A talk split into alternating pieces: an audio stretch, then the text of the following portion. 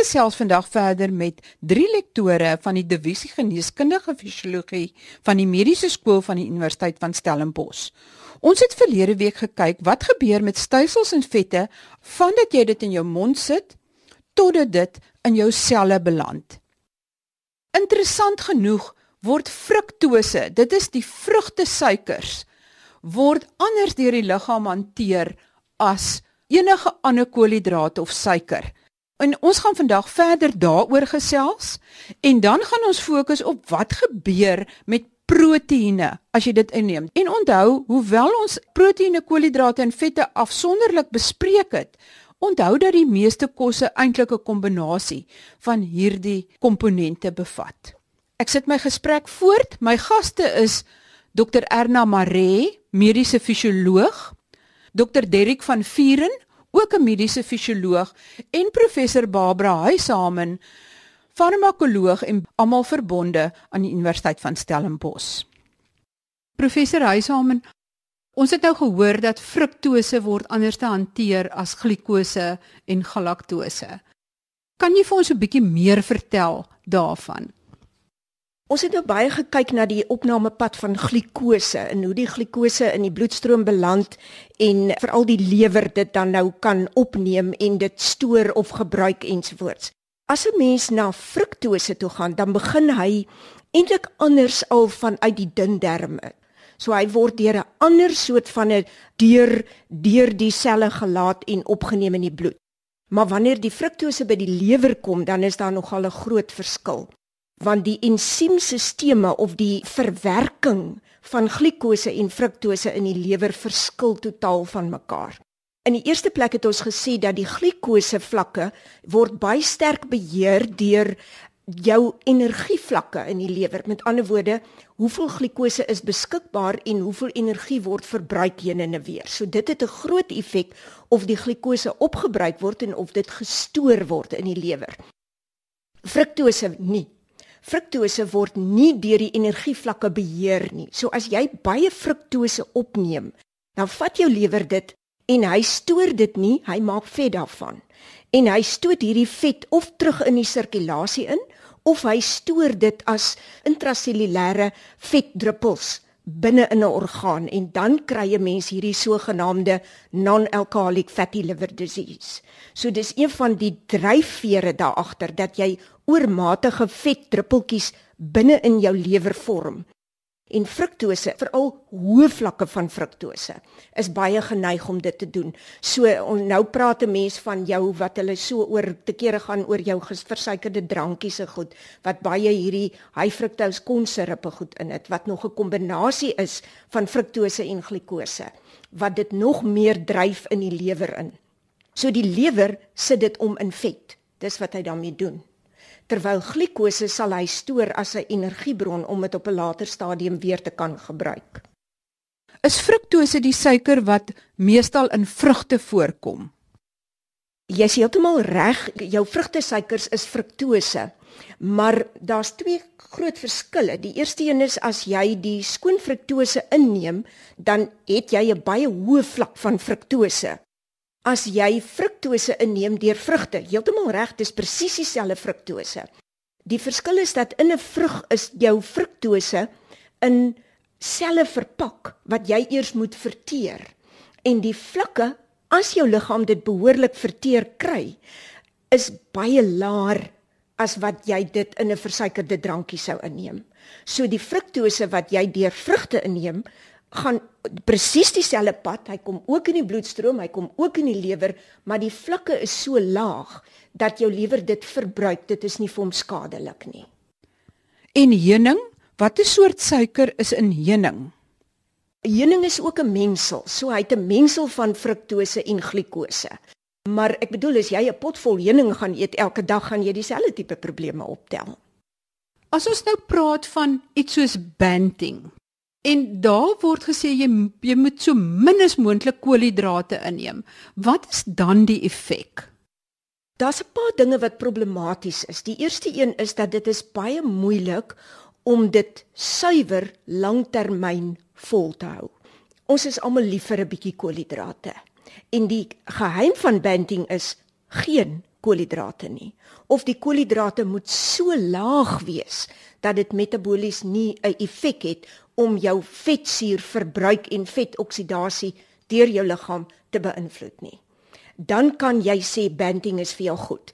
Die primêre doel van banting was om jou in die eerste plek dan nou te keer dat jou liggaam oormatig glikose saam met insulien het. Want as hy die insuline het, dan dryf die insuline die bloedglikose terug in vetselle of in al die ander selle van die liggaam af soos wat ons nou gesê het. As jy kan keer dat hy insulien en glikose het wat afgeskei word, dan verbruik hy sy vette. Met ander woorde dan gaan hy of die vet depots jou gestoorde lekker vetselletjies wat hier om jou maag of waar ook al sit waar jy hulle nie wil hê nie, gaan hy begine afbreek en dit as 'n energiebron gebruik. Maar dan moet daar nie glikose wees nie. So die glikose vlakke moet baie laag gehou word. Dis hoekom die koolhidrate so laag moet wees, want hierdie twee het 'n wisselwerking met mekaar. So en as hy dan sy vetdepots leeg gebruik het, dan is dit baie belangrik dat jou kosinname genoeg vet en ook proteïene moet hê om die boustene te kan help opbou en genoeg energie te verskaf. Maar meeste van die tyd gee dit vir jou heeltemal genoeg energie. Maar daar's 'n baie bepaalde doel agter mense wat 'n banting dieet volg. In die eerste plek om miskien te probeer gewig verloor en in die tweede plek om te keer dat jy veral in 'n situasie van 'n diabetiese persoon dat hulle daai oormatige insuline afskei aan mekaar wat jou koolhidrate dryf en as jy dit so kan behou dan kan jy goeie effekte daarmee kry. 'n Ander kant van die muntstuk waarna ons nou nie vandag gekyk het nie is die effek wat kos het op jou eetlus. En dit is nou weer 'n hele ander storie en daar's allerlei ander hormone en so daarbey betrokke, maar so is dit so dat uh vet en proteïene is geneig om mense vinniger versadig te laat voel en dit het maar te doen met die ehm um, ja, met sekere chemiese stowwe wat vrygestel word wanneer 'n mens dit eet. Daar is al navorsing gedoen wat getoon het dat hoë vet, hoë proteïen dieet inderdaad jou gaan help om gewig te verloor. Besmoolik net om jy minder gaan eet mits jy die vermoë het en dit is nogal so moeilik een om na jou liggaam te luister.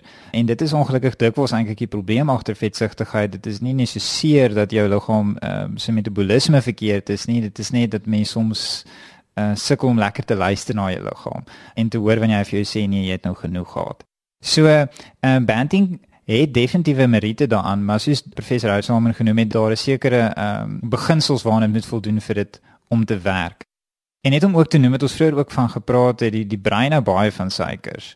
So jy liggaam gaan nog steeds sy eie ek nog steeds sy bloedsuikervlakke presies handhaaf. So of jy nou baie koolhidrate inneem of min koolhidrate inneem, as jy liggaam gesond is, gaan jou bloedsuikervlakke presies dieselfde bly. Dit is net die bron wat jy liggaam gebruik om daardie suiker te produseer of aan te vul wat gaan verskil.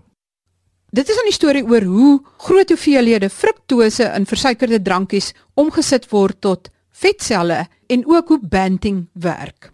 Jy het nou 'n lekker stukkie vleis geëet, wat nou? In die maag is ons hoofsaaklik afhanklik van 'n ensiem wat pepsin genoem word. En hy is net aktief wanneer die maag baie suur is. Die maag moet suur afskei sodat die pepsin aktief kan word sodat dit die proteïen soort van kan begin verteer. So proteïene bestaan oorsaaklik uit so 'n kettingkie, dit lyk soos 'n soos kralletjies wat ingeryg is. Elke kralletjie word 'n aminosuur genoem. Die aminosure is langer stukkies of korter stukkies, ons noem dit hulle peptides. So jy kry 'n proteïen, dan kry jy peptides en dan die kleinste vorm is aminosure. Absorpsie weer eens vind dan nou eers weer in jou dun darm plaas. So vanaf jou pankreas skei dit dan weer ensieme af wat dan nog nie aktief is nie. Eers in jou dun darm raak hulle aktief en hulle verteer nou verder van die proteïene in die dun darm en dan neem jou dun darm wand nou weer daai proteïene dan onderskei hulle in terme van die feit dat hulle hulle kan of die aminosuur opneem of die kort stukkies peptides en intedeel proteïene kan baie keer gevaarlik wees want daar kan langer stukkies proteïene wat selfs dan jou liggaam herken daai dan as 'n antigeen. daai proteïen wat dan opgeneem word. Nou dan kom jou immuniteit in werking. So allergieë kom van proteïene af. En wat baie keer gebeur is is dat babetjies word te gou sê byvoorbeeld proteïene gevoer. Daai proteïene word dan geabsorbeer en dan reageer die liggaam daarteen. Soos gluten is dan een van daai proteïene wat soort van allergiese reaksies dan ontlok. So die groot ding van van proteïene is dat daar kan langer peptides ook geabsorbeer word en dit is nie noodwendig net die aminosuur die kleinste vorm van proteïen wat opgeneem word basies nie. Goed, nou is dit in die bloed. Waarheen gaan dit dan? En hoe kom die proteïen wat jy geëet het en die proteïen wat in jou spiere is, hoe kom daai twee bymekaar uit? So dit is nou nog ons 'n 'n gelaaide vraag want ehm um, daar is in die dieet 20 verskillende tipes aminosure. Uh, as jy mens nou dink aan vette, daar's baie verskillende tipes vette, maar almal volg basies dieselfde roete nadat hulle opgeneem word. As jy mens dink aan koolhidrate, daar's maar net 3 uh, monosakkarides waarmee werk, maar aminosure is daar 20 van hulle en elkeen van hierdie aminosure het sy eie ehm um, metabooliese pad en word uh, op sy eie manier hanteer. Die algemene beginsels daar agter is is dat hierdie aminosure is is wateroplosbaar, so hulle het nie dieselfde probleem wat vet het nie, so hulle dryf lekker in die bloed rond. Hulle is opgelos net soos wat suiker, soos glikose sou gewees het. En dan kan hulle nou opgeneem word op 'n soortgelyke manier as glikose. Dit is 'n bietjie verskillend, maar hulle kan nou opgeneem word deur verskillende selle om verskillende dinge te doen. En mense is nogal geneig om dadelik te dink daaraan dat proteïene of aminosure dan nou gebruik word vir skeletspierproteïene. Maar eintlik word jou proteïene in die liggaam gebruik vir 'n klomp verskillende dinge. So elke sel het verskeie komponente of of of klein stukkies masjinerie en elke een van daai masjinerie is verskillende tipes proteïene. En al daai proteïene bestaan uit hierdie kombinasies van hierdie verskillende 20 aminosure. So van hierdie proteïene is ensieme en van hulle is ehm um, transporters, al die transporters waarvan ons gepraat het sover, al die deure waarna ons verwys het waar die glikose gaan, dis als proteïene. Van hulle struktureel, van hulle is in jou bindweefsel wat dinge aan mekaar hou en dan is daar natuurlik 'n deel wat gebruik word om jou skeletspierweefsel op te bou. En hierdie prosesse wat die opbou van proteïene beheer is nogals kompleks want dit het te maak uiteindelik met hoe verskillende selle gereguleer word om verskillende ensieme of strukturele proteïene of kontraktiele proteïene in die geval van skeletspierselle of wat ook al te produseer.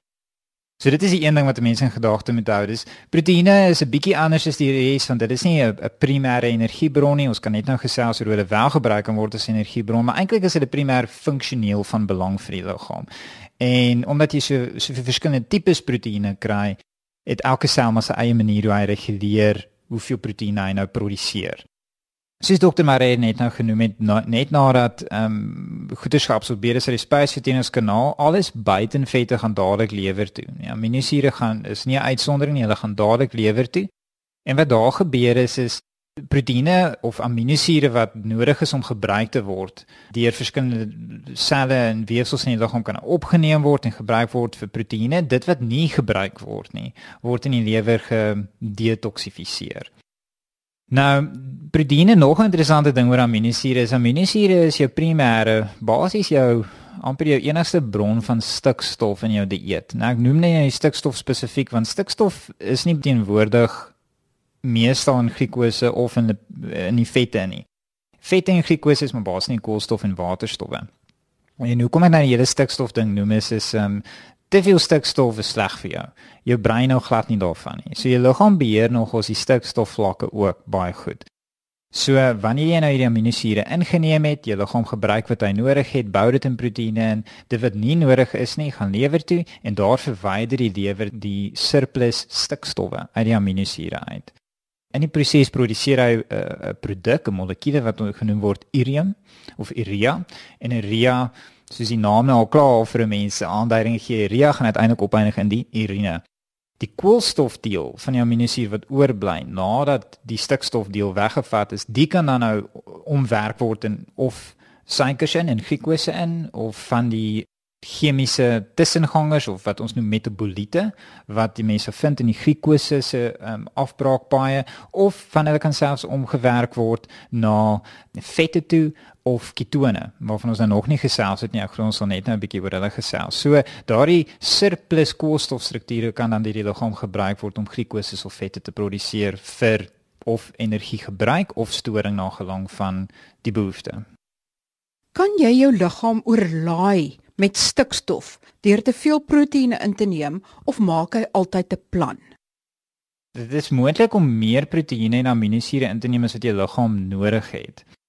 As alles reg uitwerk en jou lewer is lekker fiks en gesond, dan gaan dit nou nie 'n blywende probleem vir jou wees nie, omdat jou lewer gaan net ontslaa raak van addisionele stikstowwe.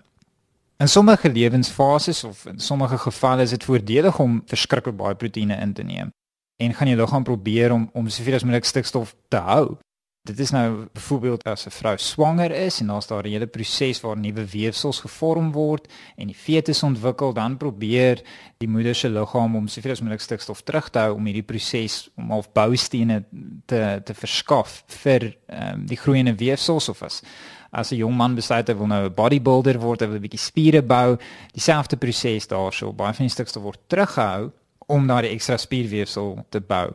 Maar as jy te veel proteïene inneem, um, dan gaan daai surplus uh, stikstof verwyder word. Al wanneer dit regtig 'n probleem is, is wanneer jy lewer nie lekker kan ontslaa raak van die addisionele stikstof nie. En die beste voorbeelde daarvan is daar is hierde 'n uh, spektrum van redelike rare metaboliese siektes waarvan die ensieme wat betrokke is in hierdie detoksifisering en metaboliese verwerking van die aminosure nie lekker werk nie. En dan vind mense situasies waar die uh, stikstof te veel opbou en uiteindelik neurotoksiese effekte ontlok. Urium hou verband met die niere. Het te veel urium 'n nadelige effek op die niere? Ek dink die enigste plek waar jy daar regtig 'n probleem kry, is as jy nie genoeg vloeistof inneem nie. Want as jy genoeg vloeistof inneem of genoeg water dan drink, saam met hierdie hoë proteïenvlakke, dan spoel jy dit uit deur die niere. Maar as jou vloeistofinname beperk is, dan kan dit kristalliseer in vir jou nierstene vorm op die ou end. So die belangrike ding is as jy daai te veel proteïene inneem of jy dink dit is te hoog, dan is dit 'n 'n noodsaaklike voorvereiste om genoeg vloeistowwe ook in te neem daarmee saam. Dan is mens begin vas, dan begin daar ketoonliggame te vorm, maar en is dit goed of is dit sleg? So net om 'n bietjie agtergrond te gee, mense is geneig om te dink dat eh, wanneer jy nou begin honger raak, as jy nou begin ophou eet het en jy liggaam begin nou van sy energiestore gebruik, is 'n mens geneig om te dink of ek het altyd altyd so gedink, hy gaan eers al sy koolhidrate opgebruik en as hy die koolhidrate nou klaar is, dan gaan hy nou sy vette vat en as die vette nou klaar is, dan gaan hy nou sy proteïene vat. Maar in realiteit werk dit nie so nie. Al drie proteïene, vette en glikose word heeltyd deur die liggaam gebruik om sy energiebehoeftes aan te vul. Jy dink 10% van jou energiebehoeftes wat jy ehm um, of energievoorsiening wat jy uit 'n tipiese westerse dieet uit kry vir alledaagse gebruik om uit proteïene uit. Dit gesê, wanneer jy nou vas, uh, soos ons nou reeds vasgestel het, Die belangrikste ding is dat jou brein net gelukkig bly. So jou lewer gaan dadelik probeer, ehm um, soos die bloedglukose vlakke daal, gaan die glikagon vlakke toeneem en glikagon gaan vir die lewer sê kyk, uh, jy moet nou die bloedglukose opstyg en die lewer gaan dan nou gebruik maak van glikoneogenese of glikogeen afbraak om in die kort termyn uh, die bloedglukose vlakke opgestoot te hou. Natuurlik na ruk gaan die glikogeen van die lewer redelik uitgeput raak. Nou dit is nou moeilik om tye en en ure hieraan te koppel want dit verskil net maar van persoon tot persoon. Maar as jy nou niks eet vir vir 'n dag omtrent of dalk 'n bietjie meer as 'n dag, dan gaan jou glikogeen store in jou lewe ten minste redelik uitgeput begin raak. Dit is nie te veel van 'n probleem nie want glikoneogenese kan nog steeds in die agtergrond aangaan en dit gaan aangaan solank dit kan om die bloedglikose vlakke te handhaaf. Die ding is nou net waar kom die substraat of die die boublokke vir die glikoneogenese vandaan? En soos ek net nou genoem het, dit kan kom van vette af en ook van sekere aminosure af en en die aminosure word dan afgebreek en uiteindelik kan hulle om omskep word na glikose toe. Maar nou het ons 'n snaakse situasie, want nou begin jou liggaam met energie uit te hardloop. Ek het reeds genoem die lewer is verantwoordelik vir glikoneogenese. So nou die lewer 'n bietjie van 'n hy het nou amper hy het twee probleme waarmee hy nou te kamp het. Die een is hy moet sy eie energiebehoeftes voorsien en die ander een is, is hy moet glikose produseer wat 'n energie wat energie nodig het. Hy het energie nodig om glikose te maak. Dit gebeur nie verniet nie. So wat die lewe nou begin doen is, is hy gebruik baie vette om aan sy eie energiebehoeftes te voldoen en ook om sommer in die in die agtergrond energie en, en boublokke te verskaf vir glikoneogenese vir nuwe glikose. En dit is big fine want soos wat mense nou vas word meer en meer vette vrygestel vanuit jou vetweefsel uit. So dit is 'n redelike beskikbare energiebron en en jou lewer kan dit lekker maklik gebruik. Op 'n stadium bereik jy egter 'n punt waar die lewer ek moet nou eintlik 'n bietjie hierso ietsie basies noem, 'n basiese biochemie ding en dit is dat alle energieproduserende nutriënte of dit nou glikose is en of dit nou proteïene is en of dit nou vet is, almal word afgebreek na 'n molekuule toe wat ons noem asetielkoensiem A. Asetielkoensiem A is is die spulpunt omtrent waarom energiemetabolisme dryf. En hoekom ek dit nou noem is wat gebeur is in die lewer. Hy versien genoeg energie vir homself. Hy's besig om glikose te produseer en hy's besig om baie asetielkoensiem A vanuit hierdie vette te produseer. Om die waarheid te sê, hy's besig om meer as genoeg asetielkoensiem A te produseer. Hy kan dit nie alles opgebruik nie.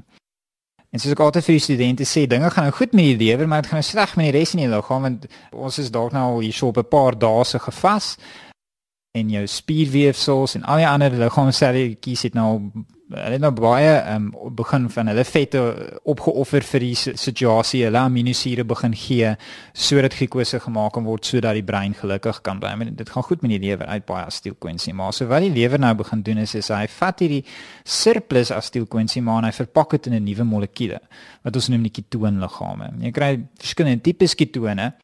En nou wat die voordeel hiervan is is hierdie ketone kan dan nou direk in die bloedstroom beland En hulle kan dan nou gaan na al die ander liggaamselle toe en die liggaamselle kan dan daai ketone gebruik en dit weer terug omskakel in asetielkoensiem A en sodoende kan hulle aan hulle eie energiebehoeftes voldoen. En alhoewel die brein mal is vir glikose, as dinge nou regtig begin broekskeer, gaan ek aan die brein van die ketone ook gebruik maak om aan sy energiebehoeftes te voldoen. So hierdie is 'n wonderlike oplossing. Ehm um, daar's 'n lekker ketone wat ronddryf en dit kan dan gebruik word om ehm um, aan al die energiebehoeftes te voldoen. Die probleem is net dat dikwels veral as dit nou ekstreme vas is, is dat vir die asetielkoensiem A om nou ordentlik gebruik te word, het jy maar eintlik nog steeds glikose en ander energiehulpbronne nodig. So nou begin die liggaam homself amper vas vasdraai. Uh die lewer maak ketone. Die doel is dat die ketone gebruik word deur die uh, wat ons noem ekstra hepatiese weefsels. Dit is alles buite in die lewer. Maar omdat alles nou besig is om op te raak, kan hy eintlik nie meer effektief die ketone gebruik om aan sy energiebehoeftes te voldoen nie. Nou begin jy, nou begin die rooi ligte flits. Want wat nou gebeur is is die ketone begin ophoop in die bloed. Soos wat die selle dit nie meer kan gebruik nie. En die probleem hier is is ketone is eintlik maar half suur. Soos as hulle ophoop, dryf hulle die pH van jou liggaamsweefsels laer en laer. En dit is eintlik waar die groot probleem nou inkom as daardie ons noem dit asidose begin ontwikkel, kan dit potensieel lewensgevaarlik wees en uiteindelik lei na 'n uh, ketotiese koma en selfs dood. So om die vraag te beantwoord, beide glikose vette en aminosure word heeltyd gebruik. As jy begin vas eerste glikogen word opgebruik deur die lewer, glikoneogenese vind plaas om die glikose vlakke te onderhou.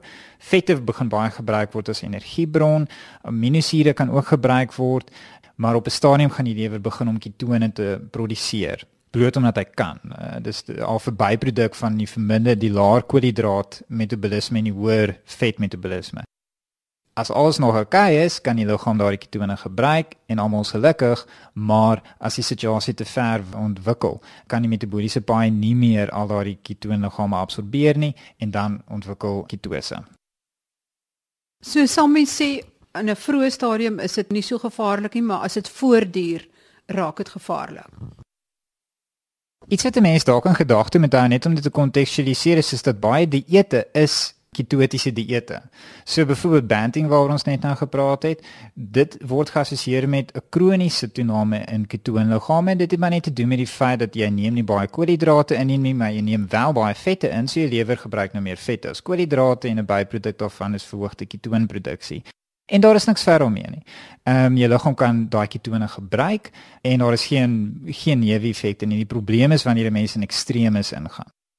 En soos ek sê die probleem is nie regtig se primêr die opbou van die ketone nie alhoewel dit nou uiteindelik die laaste spyker in die in die kus is dit het meer te doen met die feit dat die res van die metaboliese paaie ehm um, hulle kapasiteit verloor onder hierdie kondisies om die ketone te gebruik. Dis eintlik waar uh, jou eerste probleem inkom en wanneer hulle begin oppak, dan het jy 'n probleem. So nee, matige verhoogde ketone behoort nie uh, problematies te wees nie. Daar's baie dieete wat daarmee geassosieer is en daar is ook al mense wat navorsing gedoen het oor potensiële voordele, mediese voordele onder sekere omstandighede vir 'n uh, eh, toename in, in ketoonliggame.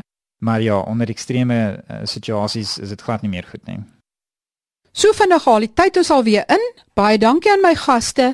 Volgende week gesels ek oor cholesterol. Tot volgende week. Totsiens.